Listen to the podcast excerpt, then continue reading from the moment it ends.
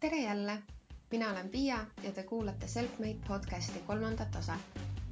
enne kui ma asun tutvustama tänast saatekülalist, siis tahaksin ma öelda ühe suure-suure aitähi kõigile teile, kes te olete esimest kaht saadet kuulanud, Facebookis like inud, oma sõpradega jaganud. see on hästi tore ja mul on väga-väga hea meel, et, et on nii palju inimesi, kes kes tahavad kuulata seda, mida ma teen ja tahavad kuulata kõikide nende ägedate naiste lugusid. aga tänases saates käisin ma külas Sandra Rajul, kes on vist kõige positiivsem inimene, keda ma üldse oma elus kohanud olen. ta on professionaalne treener ja muuhulgas ka üks viiekümnest, kes kannab maailmas Nike Master Trainer tiitlit. Sandrat võib väikest viisi pidada ka triatleediks, sest et eelmisel suvel tegi ta Pühajärvel Ironmani triatloni ja muidugi on ta võtnud selle enda eesmärgiks ka sel hooajal. vist ei tule üllatuseks kellelegi, et saates räägime me spordist ja sportimisest, aga samuti sellest, et aeg-ajalt peab endale natukene pai tegema, ennast natukene tunnustama ja et, et see on tegelikult päris raske. kuna me salvestasime seda saadet isadepäeva hommikul, siis, siis tulevad natukene jutuks ka meie mõlema isad. aga nüüd ilma pikema jututa, siin on teile kuulamiseks Selfmade saate kolmas osa. tere, Sandra, tere tulemast minu podcasti. sinu üks kõige suurem, noh, mitte isikuomadus, aga see, mis sinu puhul kõige esimesena silma torkab, on see kõrvuni naeratus, millega sa oled piltide peal, sa oled trennis, sa tuled ukse peale vastu selle naeratusega. kust see positiivne energia su seest tuleb? Tead, see on hästi põnev, sellepärast et seda küsitakse hästi palju ja, ja ma ei oska öelda. ma arvan, et see on harjumus ja ma arvan, et see ongi see, et äh, ma ei oskagi, ma ei oskagi olla teistmoodi ja ma ausalt öelda, ma ei tahagi olla. sest et äh, seda negatiivsust on, on, seda on lihtsalt nii palju üleüldse maailmas, et äh, miks peaksin olema mina siis olema üks nendest inimestest, kes annab seda veel, seda negatiivsust juurde, et pigem ma omalt poolt siis püüan oma sellise positiivse olekuga seda edasi nakatada, et ma, ma olen täiesti veendunud, et positiivsus ja selline rõõmus ellusuhtumine, see on, see on nakkus, see on nagu selline kerge haigus, aga see on selline nakkushaigus, mis liigub päris kiiresti edasi, et, et kui sa näiteks kõnnid tänava peal vastu mõnele inimesele, kes on morn ja sa lihtsalt naeratad talle, siis ta naeratab sulle vastu. kui see kohe ei juhtu siis ta võib-olla alguses vaatab, issand kui imelik, miks see imelik naine mulle naeratab, onju, et kas ta tahab midagi, tahab mu käest röövida midagi, okei okay,, mul on, vaata, katsun oma taskud üle, kas mu rahakott on ikka alles, eks ole. aga sa oled kogu aeg selline olnud või sa vist, mingil jaa. hetkel hakkasid lihtsalt teadlikult rohkem naeratama? ma ei, ma ei mõtle selle peale kuidagi noh, et no nüüd ma lähen ja nüüd ma naeratan, et pigem kui ma, kui ma seda tegema hakkaksin nõnda, siis, siis see tuleks kuidagi kunstlikult mm. ja ma arvan, et see ei, ei funkaks üldse.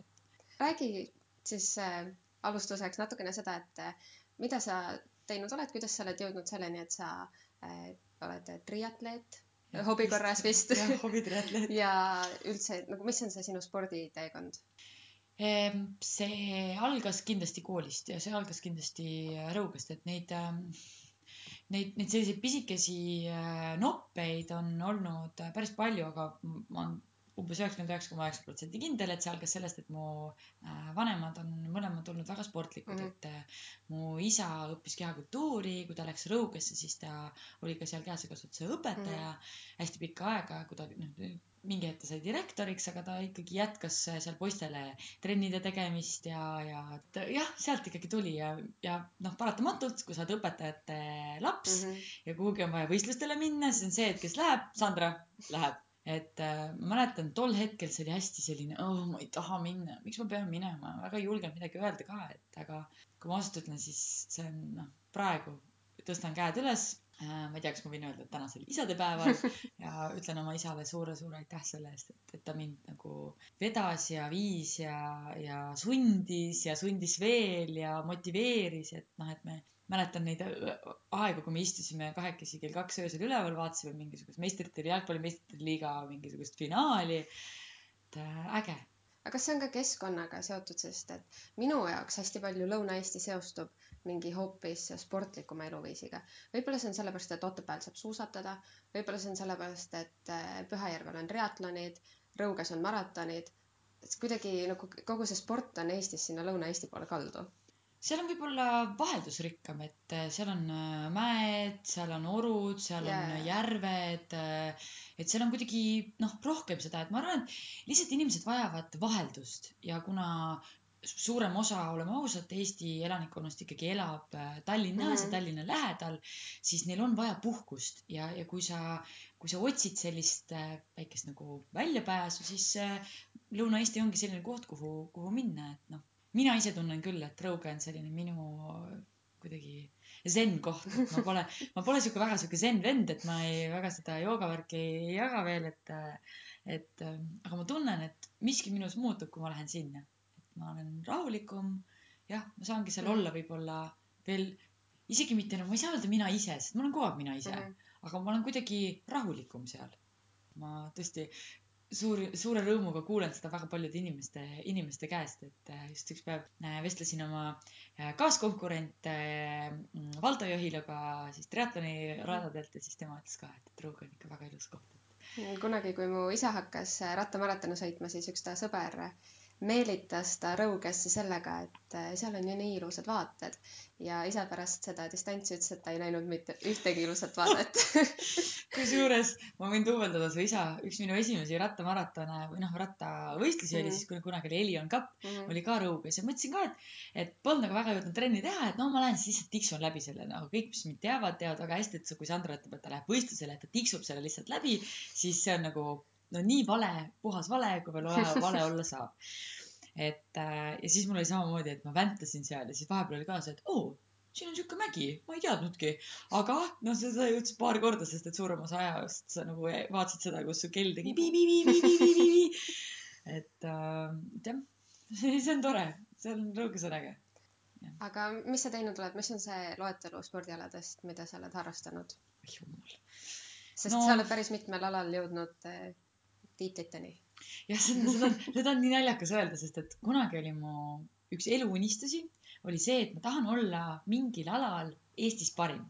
et tol hetkel see tundus nagu täiesti võimatu, et nagu come on, Sandra, noh, sa oled kuskilt Rõugest, no kuidas see, it's just not gonna happen, et äh, siis kuidagi nagu vaikselt läks edasi, et eks ma tegelesin ujumisega, aga noh, see oli selline so-so, kui ma tegin seda põhikoolis ja keskkoolis mm, -hmm. et noh, isa õpetas mind natuke ja noh, kuna meil oli seal ka Võrumaa meistrivõistlused, eks ole, siis äh, ma ei teagi, palju mul neid medaleid on, ikka mingi, ma vist olen ikka mingi neljakordne Võrumaa meister äh,.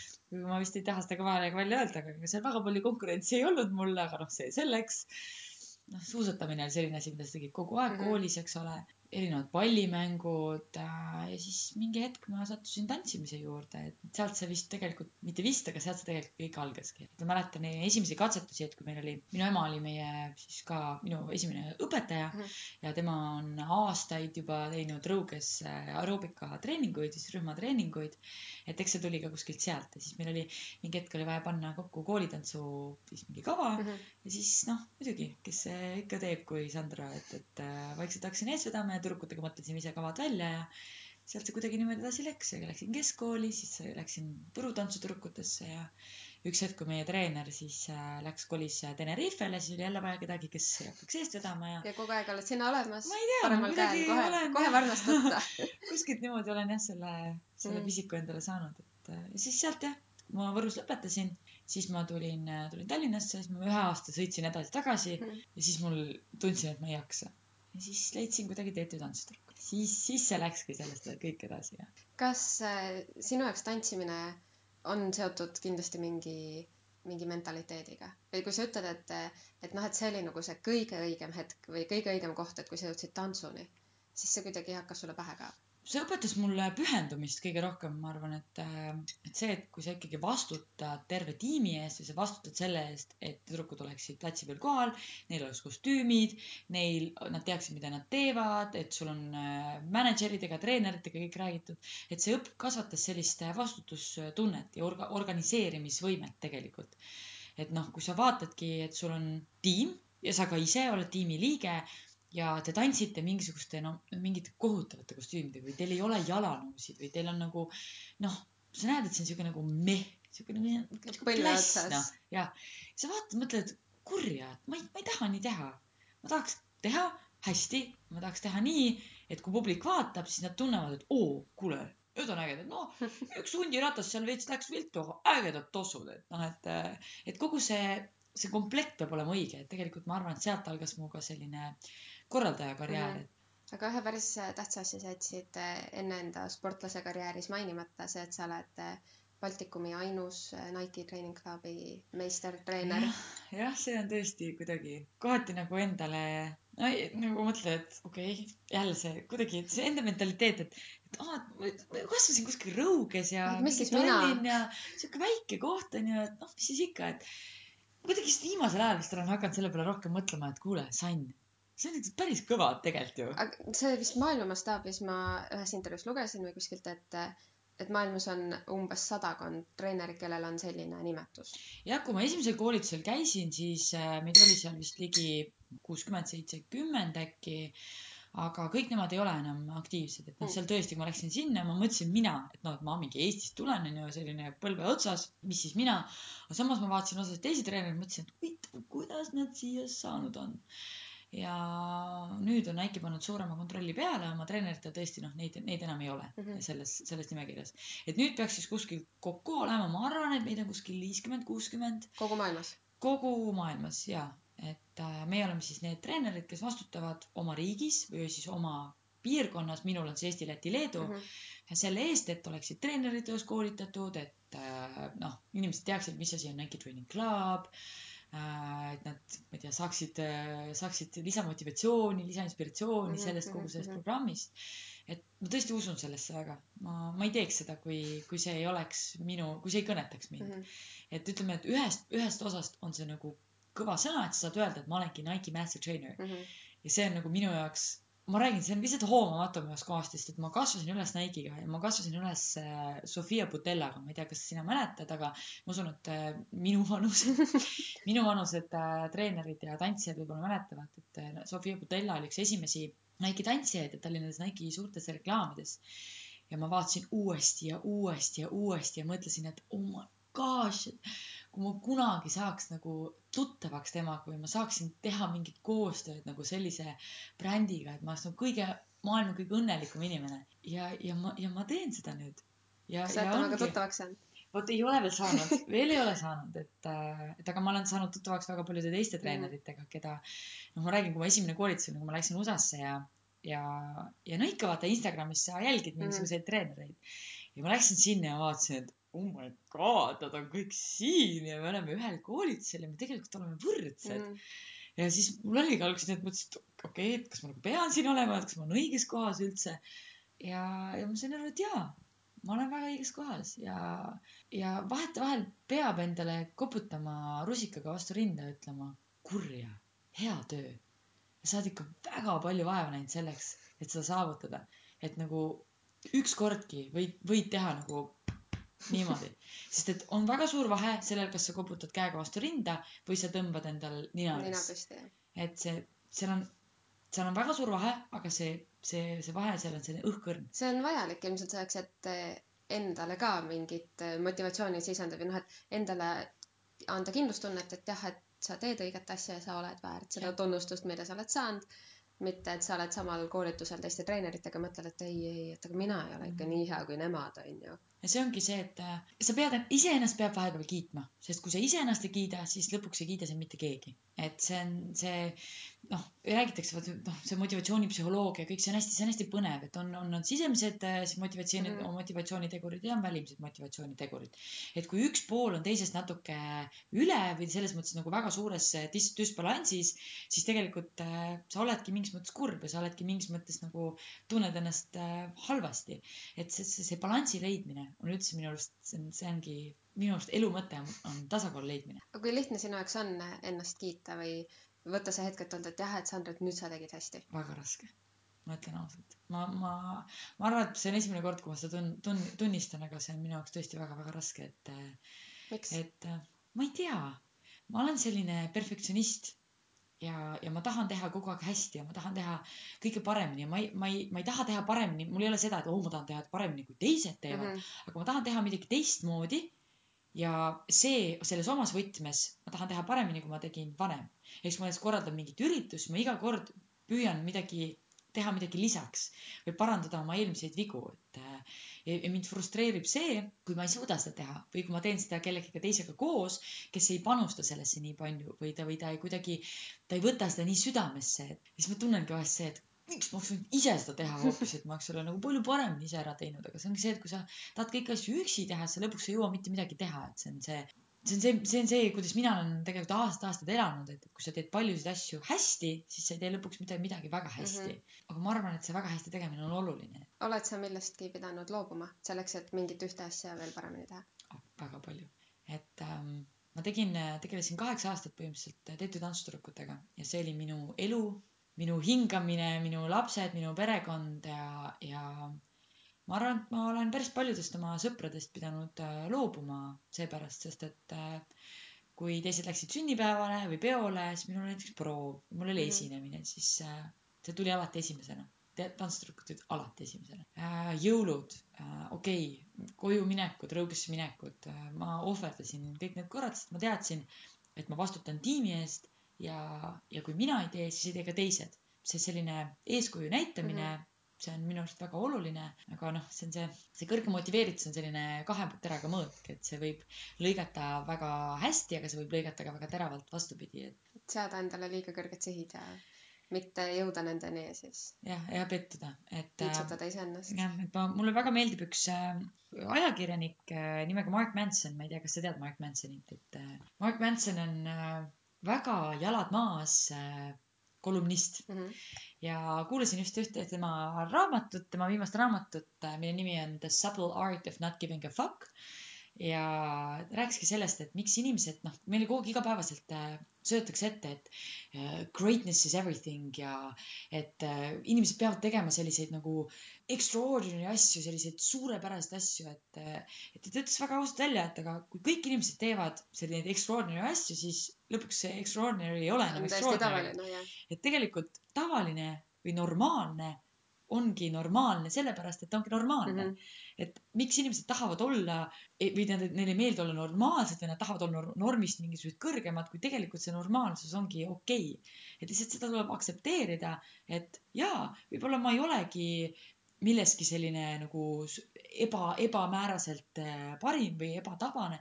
seda ei olegi vaja, kõik inimesed ei peagi sellised olema, et. kõik ei saa olla maailmameistrid täpselt ja, ja see on täiesti okei okay,, et sa pead lihtsalt aktsepteerima seda, et sa oled selline, nagu sa oled ja, ja normaalselt see on okei okay. ma olen äh, kuulnud sellest raamatust küll ja ma olen tahtnud seda lugeda või mul, see on kuidagi kuskil kuklas olnud, et, et see on olemas ja ilmselt äh, oleks kasulik seda võib-olla lugeda.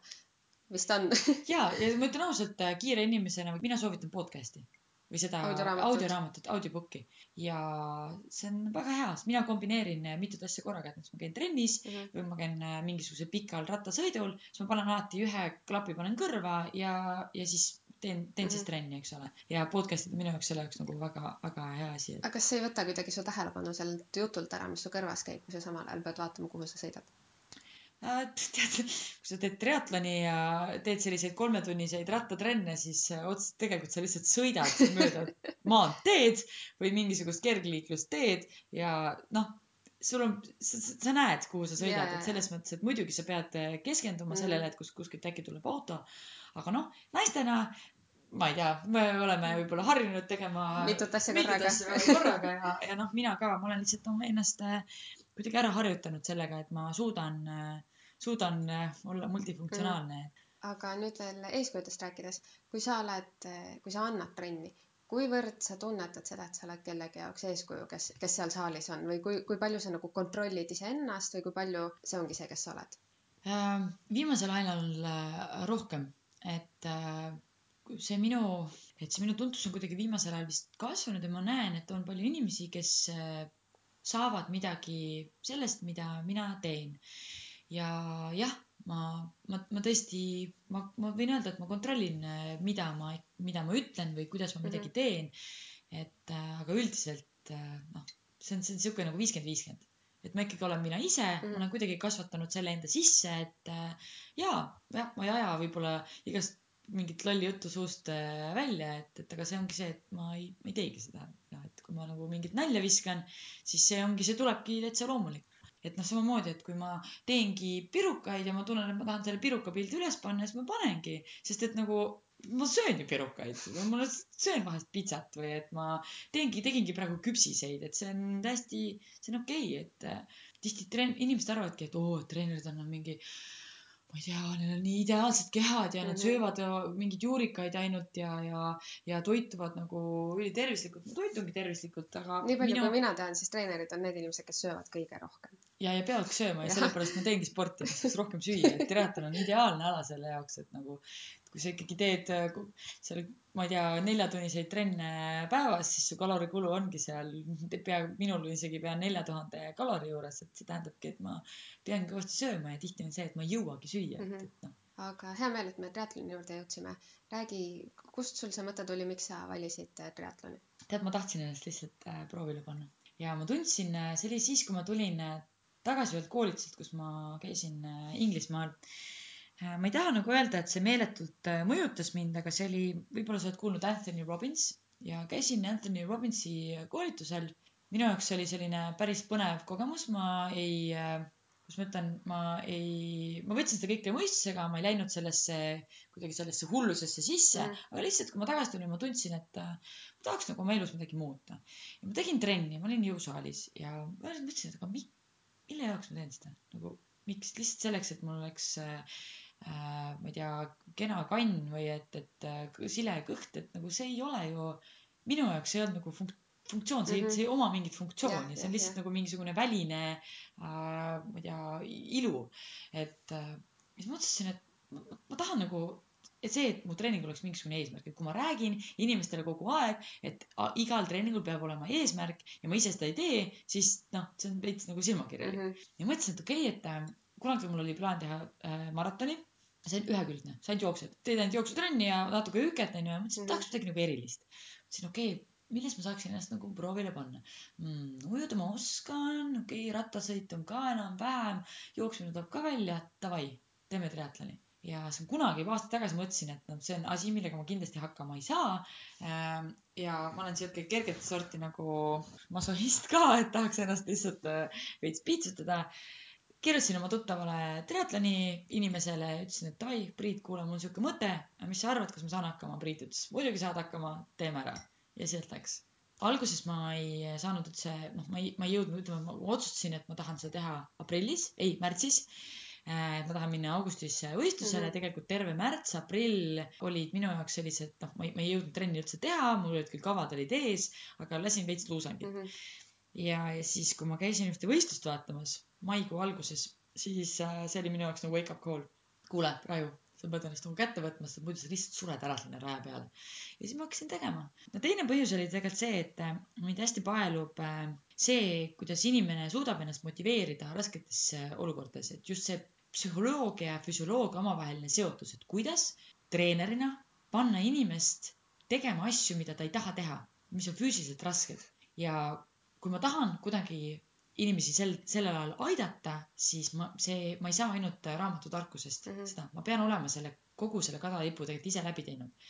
et oma, omaenda füüsilise kehaga, ise oma mõistusega ja tead, see on põnev. see on nii kuramuse põnev, kuidas inimese mõistus töötab siis, kui ta keha on viimase piirini lükatud.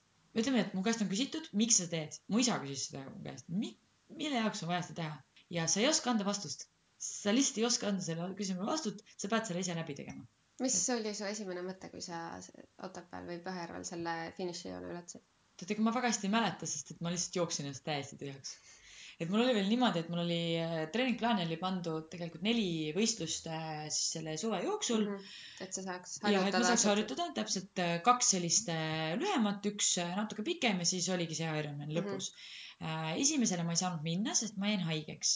Teisele ma läksin, mis oli Viljandis, aga siis tuli torm, äike, võistlus jäeti, mm -hmm. ära. kolmas oli siis Tartu mill, mis oli siis olümpiadistants, oli natuke lühem äh, distants, kus ma sain aru, et peab ikka veits kõva rohkem trenni tegema äh,. ja siis oligi Ironman jah. ma ütlen ausalt, et see, see oli väga raske see oli väga raske ja ma ikkagi jooksin ennast nagu täiesti tühjaks, et inimesed, kes olid nagu finišikoridoris, ütlesid, et vaatasid mu sammu, ütlesid, et, et me arvasime, Sander, et sa ei jõua üle finišijoone. ma mäletan seda, et ma, ma, ma lihtsalt nagu sundisin ennast, et lihtsalt see oli jõhker nagu, jalad ei liikunud enam. aga sa, sa nagu teadsid, et, see punane vaip, sa pead sellest punasest vaibast üle saama. ja kui ma selle ära tegin, siis mu, mu pea oli tegelikult tühi, lihtsalt täiesti tühi. aga ma usun, et sa ei kahelnud ka väga pikka aega, et teha seda järgmisel aastal uuesti. ei, ei, ma teadsin seal juba raja peal, kui ma tegin, läksin sellele teisele Pühajärve ringile mm. -hmm. ja ainus mõte mu peas oli see, et Sandra, sa lõpetad selle ära, sest et järgmisel aastal sul on, sa teed selle veel paremini ära. see on, see on lihtsalt nii naljakas mõelda, kuidas inimesed nagu mõtlevad ja siis sel hetkel ma mõtlen neid inimesi, kes, kes, kes, kes ütlevad, et oh, ma ei saa trenni minna tegema, et ma olen ülekaaluline, aga umbes, et äh, mul ei ole seda motivatsiooni või et ma ei saa sellega niikuinii hakkama või et ma ei viitsi nagu. mis mõttes sa ei viitsi nagu, kuidas see, kuidas see on võimalik, lihtsalt nagu hakka pihta mm., et nagu noh, inimesed ütlevad, et kõige raskem samm siis trenni mineku või selle tervisliku eluviisi juures on see samm diivanilt maha ja, ja spordisaali. aga ma ütlen ausalt, mina sellega ei nõustu. minu arust see on üks lihtsamaid. raske on see, et sa teeksid seda igapäevaselt. see, see Jah. esimene samm, see on seda lihtne. küll. sa teed väga paljud te- teevad nüüd mina kaasa arvatud, et ma mõtlen, et oh okei okay,, see suvi ma teen korralikult trenni, siis ma käin kolm korda jooksmas ja siis, siis mõtlen, et oi pagan, et taevas on kuidagi pilvine, et täna vist hakkab sadama, et vihmaga ma küll joosta ei Mhm. taha, et ma küll täna ei lähe ja terve päeva ei hakka vihma sadama. aga ma ikkagi igaks juhuks ei lähe, sest äkki hakkab vihma sadama ja sinna ta jääb, onju. see on nagu selline, mis need on need, need, need rattad, mille sa tõmbad kuidagi käima, et mida rohkem sa väntad, eks ole, seda kiiremini sa edasi, edasi jõuad, et nüüd kõik tehnikainimesed, kes praegu kuulavad, mõtlevad, et oh my god, ära räägi asjadest, millest sa midagi ei tea. see pole Aga- tehnika podcast, ära muretse. et ühesõnaga jaa, et, et see on trenniga täpselt samamoodi, et kui sa alustad ja sa lükkad selle lumepalli nagu tööle, siis alles siis sa saad aru Jah. pärast, mis see sulle juurde ja, annab. et alguses ei saagi aru ja, ja see tundubki see, et, et sa võib-olla kulutad ennast, tegelikult ei ole niimoodi, et see, mina ütlen alati, et mingit eesmärki on vaja. triatlon oli minu eesmärk ja ma tõesti tunnen, et kui mul oli see Ironman oli ees, väljas võis sadada vihma, võis olla külm, mul võis olla paha tuju, kõht valutas, aga ma teadsin, et kui ma ei lähe, siis ma lihtsalt ei saa ennast valmis selleks ajaks. ja tegelikult äh, alati sa tead ka ju, et, et kui sa tuled tagasi, siis sul on nii hea olla. täpselt ja see ongi see ja see ja sa, ja sa võidki minna ja täiesti süüdimatult võtta selle ühe küpsise ja selle ühe küpsise kõrval veel kolm, sellepärast et lihtsalt see nagu, sul on see kõik ära kulutatud, et noh, et võib-olla mina nagu harrastan kõike ümber äh, Toiduks. toiduks, aga, aga lihtsalt see on minu arust nagu söömine on äh, üks elu kõige ägedamaid nagu naudinguid, et, et ja eriti veel hästi süüa. ja sellega ma nõustun ka väga, et kui sa ütlesid, et, et kui sa käisid seda ühte võistlust vaatamas, siis sa, siis sa said aru tegelikult, mis sa tegema pead.